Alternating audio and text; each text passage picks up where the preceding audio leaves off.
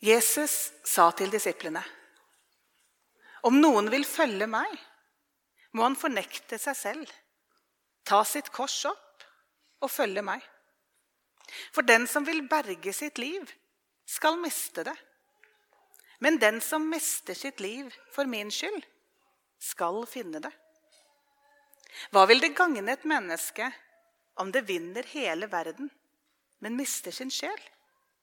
Eller hva skal et menneske gi som vederlag for sin sjel? For menneskesønnen skal komme i sin fars herlighet sammen med sine engler. Og da skal han lønne hver og en etter det han har gjort.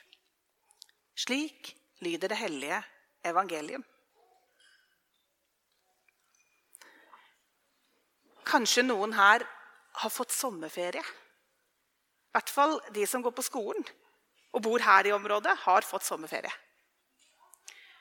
Det er noe litt underlig med kirkeåret. For i hvert fall er det sånn hos meg at når vi nærmer oss sommeren, så går vi inn i en modus der ting er litt saktere og roligere og lysere og hyggeligere, kanskje. Det er jo sommer. Mens det som møter oss når vi kommer på gudstjeneste, det er noen bibeltekster som gjør at ikke vi bare kan sette oss ned og tenke at åh, dette var godt å høre. Jeg veit ikke om dere hørte etter eller fikk med dere hva teksten handla om. Men det er en ganske utfordrende tekst.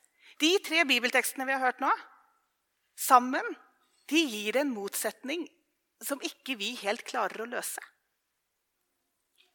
Om både en absolutt, et absolutt krav om etterfølgelse og en absolutt nåde. Den første teksten Arne leste, handler om å velge Gud. Den andre teksten Arne leste, handler om nåde. Altså det som vi blir gitt som vi ikke fortjener, som vi får helt gratis. Og den teksten jeg leste, handla om å følge Jesus og ta sitt kors opp. Den første sommeren jeg var prestevikar, da var jeg 23 år, og jeg var i Nord-Trøndelag, i, i flere ganske små menigheter. Og jeg kjente ingen. Det satt bare fremmede ansikter. Og jeg var ganske svett. For alle prekentekstene gjennom hele sommeren ligna på denne her. Tematisk sett. Sånne tekster som krever, krever, noe av oss. Der jeg tenker Kan Jesus ha ment det? Og så er det så veldig fristende å si at nei, men han mente jo ikke det. Han mente nok at egentlig så går det bra. Han er bare litt vel tydelig. Men hvis vi skal ta Jesus på alvor, så må vi spørre ja, hva mener han med å si at vi skal ta opp vårt kors og følge etter ham? På den tida Jesus snakka, var det det romerske imperiet som styrte. Og de brukte korsfestelse som en offentlig avskrekkingsmetode. Rett og slett for å sette et eksempel og for å fortsette å undertrykke. De henretta ved å henge noen på et kors fordi det var en vanære. Fordi det var ydmykende. Fordi det var vondt. Og de gjorde det for å vise at de var de som herska. Det var aldri romerske borgere som ble henretta på den måten. Så de som hørte på Jesus når han snakka første gangen, de visste jo det ta sitt kors opp. Det var jo ikke en vanlig måte å snakke på. Det var ikke noe man bare gjorde for å si at nå velger jeg å ta en ekstra tørn. Jeg tar en for laget, jeg tar opp korset. Nei, det var en vanærende og skrekkelig død. Og den som ble dømt til korsfestelse, måtte selv bære den ene bjelka på korset. Så hva kan Jesus ha ment? Sannsynligvis mente han ikke vi bruker noen ganger uttrykket å ta, å ta, 'dette er mitt kors i livet'. Og så tenker vi på vanskelige og krevende ting. Men sannsynligvis mente de ikke Jesus det som at vi kommer til å oppleve vanskelige ting. Og han mente i hvert fall ikke at det skal være et liv helt uten glede og uten noen kjekke ting. Mye annet i Bibelen som handler om livet med Gud, sier noe annet. Ut ifra hva tilhørerne må ha tenkt når Jesus snakka om å ta sitt kors opp, så må Jesus ha snakka om å identifisere seg med ham. Jesus som sjøl døde på et kors. Ordet på gresk, som er oversatt med fornekte, aparneomai, det har betydninga å forkaste eller gi avkall på. Å velge å ikke gjøre. Å ta korset opp og følge til Jesus, det handler om å gi avkall på noe. Og det vi utfordres til å gi avkall på, det er det som har med bare meg å gjøre. Det som gjør at jeg tenker at det viktigste er nå tross alt at jeg har det bra. Jesus utfordrer på å se videre utover enn det. Å følge etter Jesus handler om å elske våre neste. Ikke bare den vi liker, men også den vi er redd for. Eller den vi ikke liker i det hele tatt. Når Josva, i den teksten vi hørte aller først, stiller opp israelsfolket for å snakke til dem, så har de hatt en lang vandring bak seg. 40 år har de vandret gjennom ørkenen, og endelig har de kommet fram. Til det landet Gud ville gi dem. Og de har fått alt de trengte. Der vokste det mat. Der var det fruktbart og godt. Og så begynte de å bli rike. Og det som da skjedde, det var at de nesten umiddelbart glemte at Gud hadde ført dem ut av Egypt og gjennom ørkenen. Så når Josva liner dem opp, så sier han nå må dere velge. Dere må velge mellom Gud eller andre guder. Dere må velge mellom å stole på deres egen rikdom eller å stole på Gud. Kanskje vi noen ganger trenger å stille oss det spørsmålet òg. Hva er det som er viktig for oss? Hva er det vi stoler på?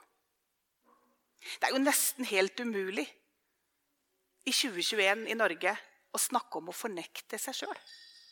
Alt vi har rundt oss, handler om hva som er best for meg, for deg, for enkeltpersonen. Reklamen forteller oss at vi er jo verdt det. Det er et kjempepress i å lykkes. I familielivet, på jobben, i utdanninga, i vennenettverket. Alt vi gjør, handler om å lykkes. Og så skal vi ta Jesus på alvor når han sier at vi må fornekte oss sjøl. Men faktisk så ligger det en selvrealisering i å fornekte seg sjøl òg.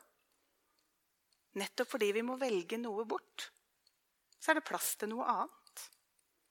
Jesus utfordrer oss til å se at det er faktisk noe som er større enn meg. Det er viktig at jeg òg er med i kampen for en bedre verden. Det er faktisk sånn at det er bedre å gi enn å få. Noen ganger er det sant at det kan være riktigere å tape enn å vinne. Og det fins noe som er enda mer dyrebart enn alt det vi eier. Og det er vår sjel. Det som gjør oss til mennesker. Det som gjør at vi ligner på Gud.